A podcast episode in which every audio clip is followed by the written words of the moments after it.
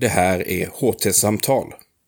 I den här inspelningen från Bokmässan i Göteborg 2019 berättar Ola Vikander om poetiska och religiösa traditioner och dimensioner i semitiska språk som hebreiska, ugaritiska och akadiska. Lovisa Brännstedt ställer frågorna. Då hälsar jag er varmt välkommen tillbaka till Lunds universitets monter. Och nu står jag här tillsammans med dig, Ola Vikander. Docent i Gamla Testamentets exegetik. Och här med anledningen av din eh, sprillans nyutkomna bok Ett hav i mäktig rörelse om de semitiska språken. Och jag skulle gärna vilja börja med titeln. Bara den är ju mm. fantastiskt vacker. Ett hav i mäktig rörelse. Jo, det där, det där titeln den är, lite, den är menad att vara lite mångbottnad om, om ordleken tillåts. Det, det syftar på ett citat av H.S. Nyberg, akademiledamot, iranist, hebraist och allmän språkförståsigpåare back in the day. Äh, han, har ett vackert citat där han talar om den klassiska hebreiska poesin som, vänta lite, jag ska faktiskt läsa upp det för det är så snyggt. Eh, eh han säger så här. Den hebreiska poesin är ett hav i rörelse med oavlåtlig böljegång. En mäktig sjöhävning, en långa rullande vågor som går över i varann. En hetsig krabbsjö. Och det där citatet fick jag lära mig av min ärade handledare för många år sedan. Eh, och eh, när det sen då kom en dags att skriva en bok om eh, semitisk språkhistoria och poesihistoria överhuvudtaget så kom det där citatet till mig att de semitiska språkfamiljen är med alla sina interna påverkanden och dialekter som går över i varann själv som ett slags hav i mäktig rörelse, vilket då också ekar de poetiska traditionerna, så det blev lite fyndigt där. Ja, ja. ja nej, det är ett vackert citat och vacker titel.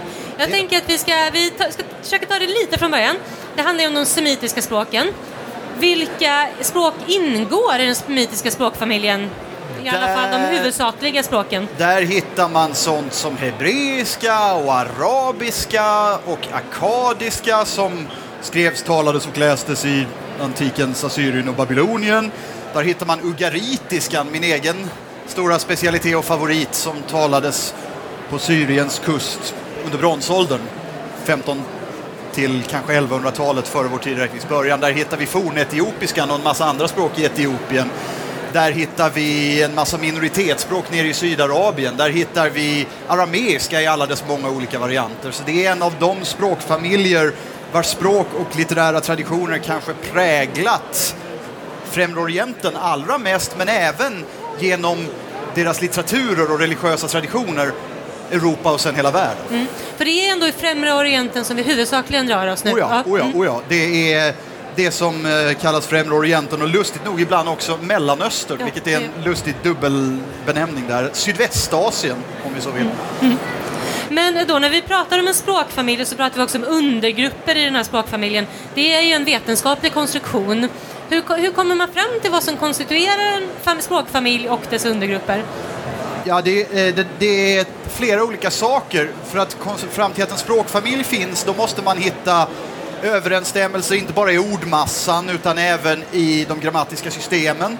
Man måste hitta helst helt konsekventa fast det är inte alltid man har sån tur, men helst helt konsekventa motsvarigheter mellan ljudsystemen i de olika språken så att man nästan på ett matematiskt sätt kan säga att har man ljud X i det här språket, i det här ordet, så ska man i motsvarande ord ha ljud Y i det här språket och så ska man kunna förklara hur de här olika varianterna framträtt ur en tidigare källa som man då ska kunna helst kunna rekonstruera vetenskapligt också för att alla bitar ska vara på plats. Sen för att se de här undergrupperna och det här är alltså något man kan göra för semitiska språk, för indoeuropeiska språk, för vilket språkgrupp som helst. Då handlar det just om att se vilka förnyade små drag som vissa av de här språken har gemensamma men inte delar med resten av gruppen. Där man kan säga att de här tre språken delar en egenskap som de andra, eh, sakerna, andra språken i familjen inte har. Då kan man tänka att de går tillbaka till en egen liten nod i trädet och då säger man att det är som en underfamilj. Så så får man arbeta.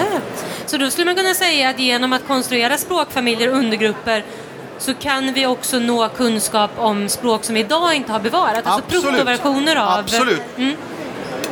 Och det är till och med en väldigt stor del av det som är den jämförande historiska språkvetenskapens mål. Att försöka rekonstruera de tidigare stadierna, även de som inte är skrivna i, eh, nedtecknade i skrift. Både för att kunna förklara historiskt varför de språk vi har bevarade ser ut som de gör och helt enkelt för att kunna kanske säga någonting om de människor som talade dessa tidigare språk genom att se vilka ord de hade i sitt, sin vokabulär till exempel.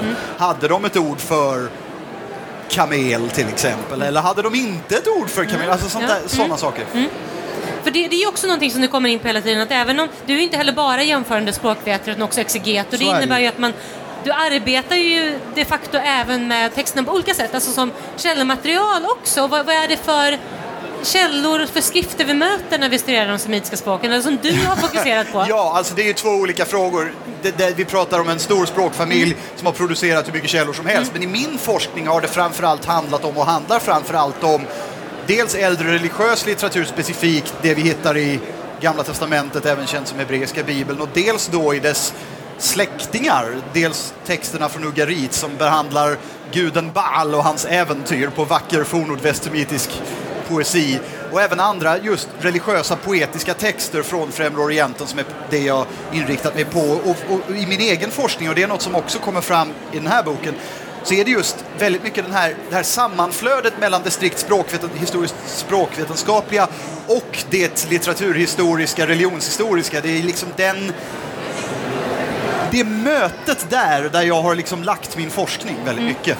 Och du skriver ju också eh, väldigt bra om hur det är att studera texter från en kultur som också kan kännas ganska främmande från vår, även menar, värderingsmässigt, Mm. Ja, ideologiskt, eh, religiöst. Jo, det där, det där är något jag skriver en hel del om i, i, i boken där, i den tredje delen av boken som är mer essayistisk. De första delarna är mer tekniska men den tredje delen handlar mer om litteratur och religionshistoria. Och där talar jag en hel del just om det här med jag brukar säga att man ska låta texten vara död. Och med det menar jag det här att för att kunna komma antikens människor och det de skrivit nära så måste man på något sätt börja med att, så att säga, skriva ut sig själv ur ekvationen och inte studsa på när de skriver saker som kan verka provocerande eller bizarra. Därför då kan man missa vissa saker man skulle finna intressanta. Så man måste liksom börja med att låta texten vara död och, och vara kall inför den och se den som ett material. Sen när man väl har gjort det, då kan man faktiskt börja försöka återuppliva den och se någon slags mening i den. Men jag tror att man måste låta det gå på det hållet, just för att jag tror att ett av de viktigaste sätten att finna närheten till forna tiders människor genom deras texter, inte minst semitiskspråkiga, är just att erkänna hur stort avståndet är och inte försöka låtsas att det är mindre. Ibland säger de att när jag gick till den och den staden och hade ihjäl så här mycket människor. Ibland säger de assyriska kungarna stolt att de spände upp sina fienders hudar på stadsmurarna. Som något positivt. Och det där måste man liksom desensitisera sig lite för. Inte därför att man inte det är inte därför att man är en kall jävel utan bara för att förstå vad som är det bu specifika budskapet i den här texten och vad som inte bara är avstånd i tid. Mm, mm. Och på ett sätt är ju både en, en vad ska jag säga, för och nackdel kan ju vara en fördel också att det är ett så stort tidsavstånd Ja, ja. som forskare, att man är inte direkt berörd av det. Jag kan ju vara Ja. imponerad av forskare som håller på med samtidshistoria för att det är så... Fast jag kan säga dig, när man jobbar i ett sånt ämne som exegetiken, som ju alltså är det vetenskapliga studiet i mitt fallet av, av Gamla Testamentet och dess värld, så blir det, så, då är det för, alltså, det kommer väldigt nära samtidshistorien även om objektet man studerar är antikt därför att det är texter som lever bland miljoner människor som ser dem som normerande i judiska, kristna och en hel del andra sammanhang.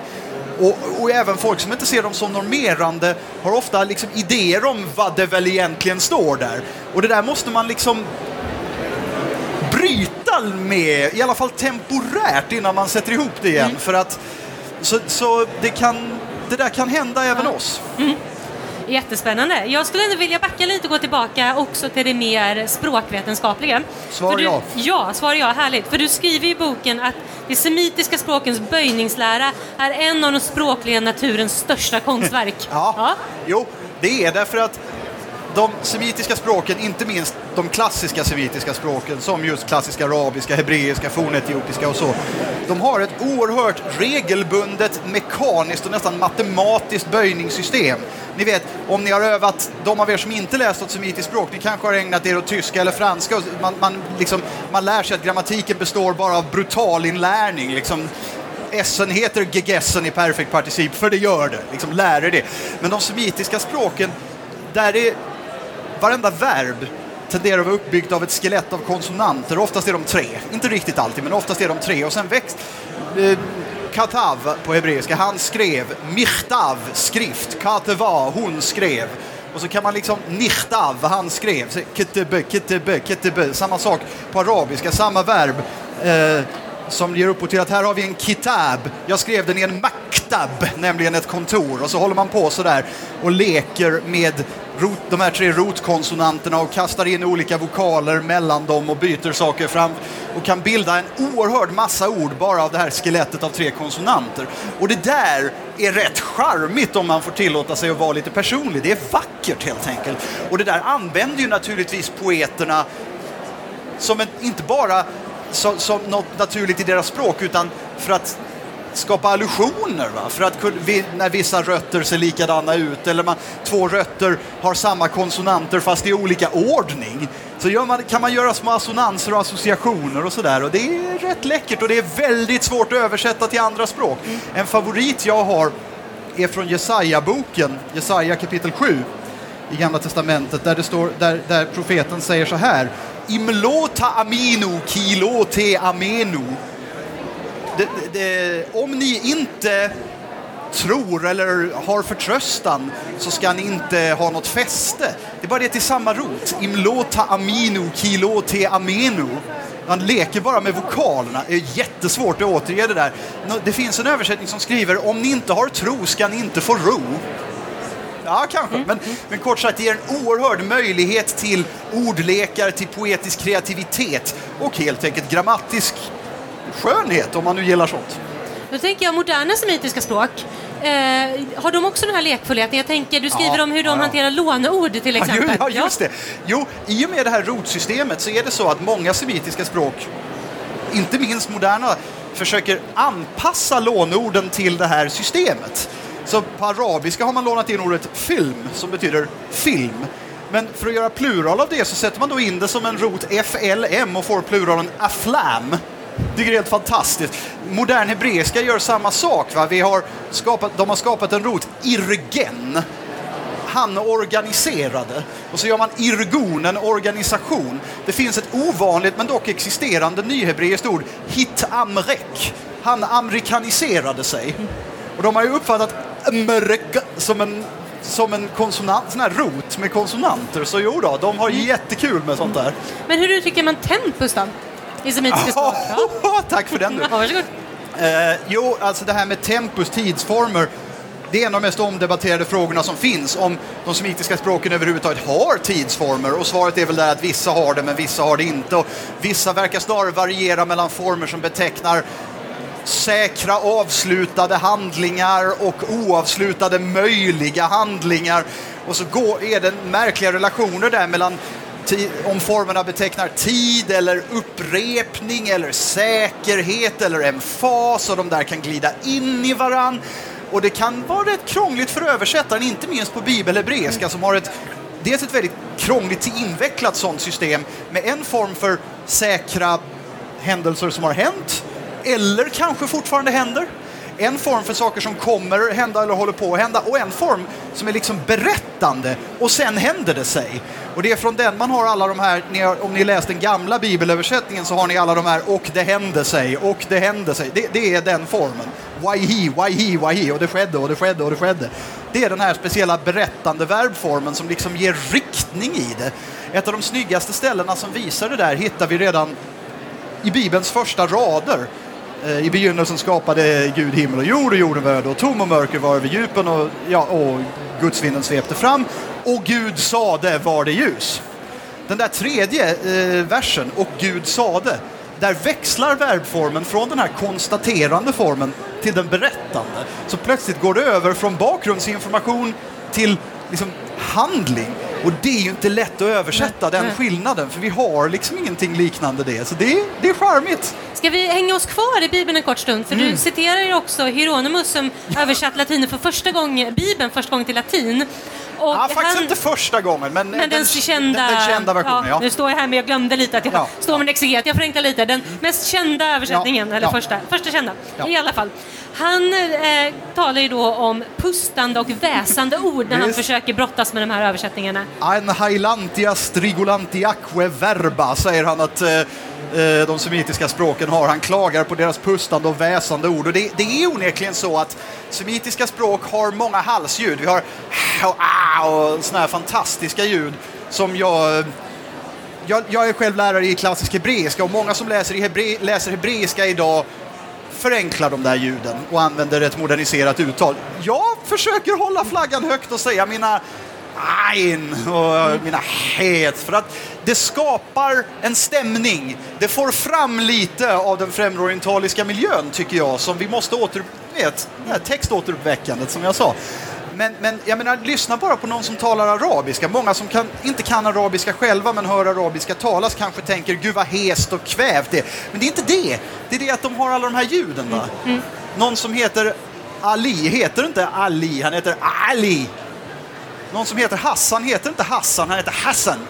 Eh, och, och, och, och, och, eh, bra heter inte Tayyib, det heter Tayyib.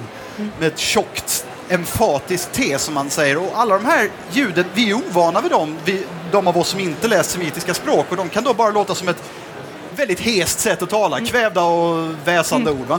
Men det är egna språkljud som är precis lika mycket konsonanter som S. Som det för övrigt finns en hel enorm massa varianter av på semitiska språk. Men det är en, det är en, jag brukar säga så här, vi som talar europeiska språk idag, vi använder den här delen av munnen. Vi börjar här och så går vi tillbaka hit där K finns. På semitiska, de många semitiska språk, då jobbar man ända ner hit. Jag tycker att de drar lite mer nytta av vad, vad Gud eller revolutionen har givit oss. Det finns så mycket mer att fråga om, men det här får vara vårt slutord, Ola. Tusen Tack så tack, för att du kom hit. Ja,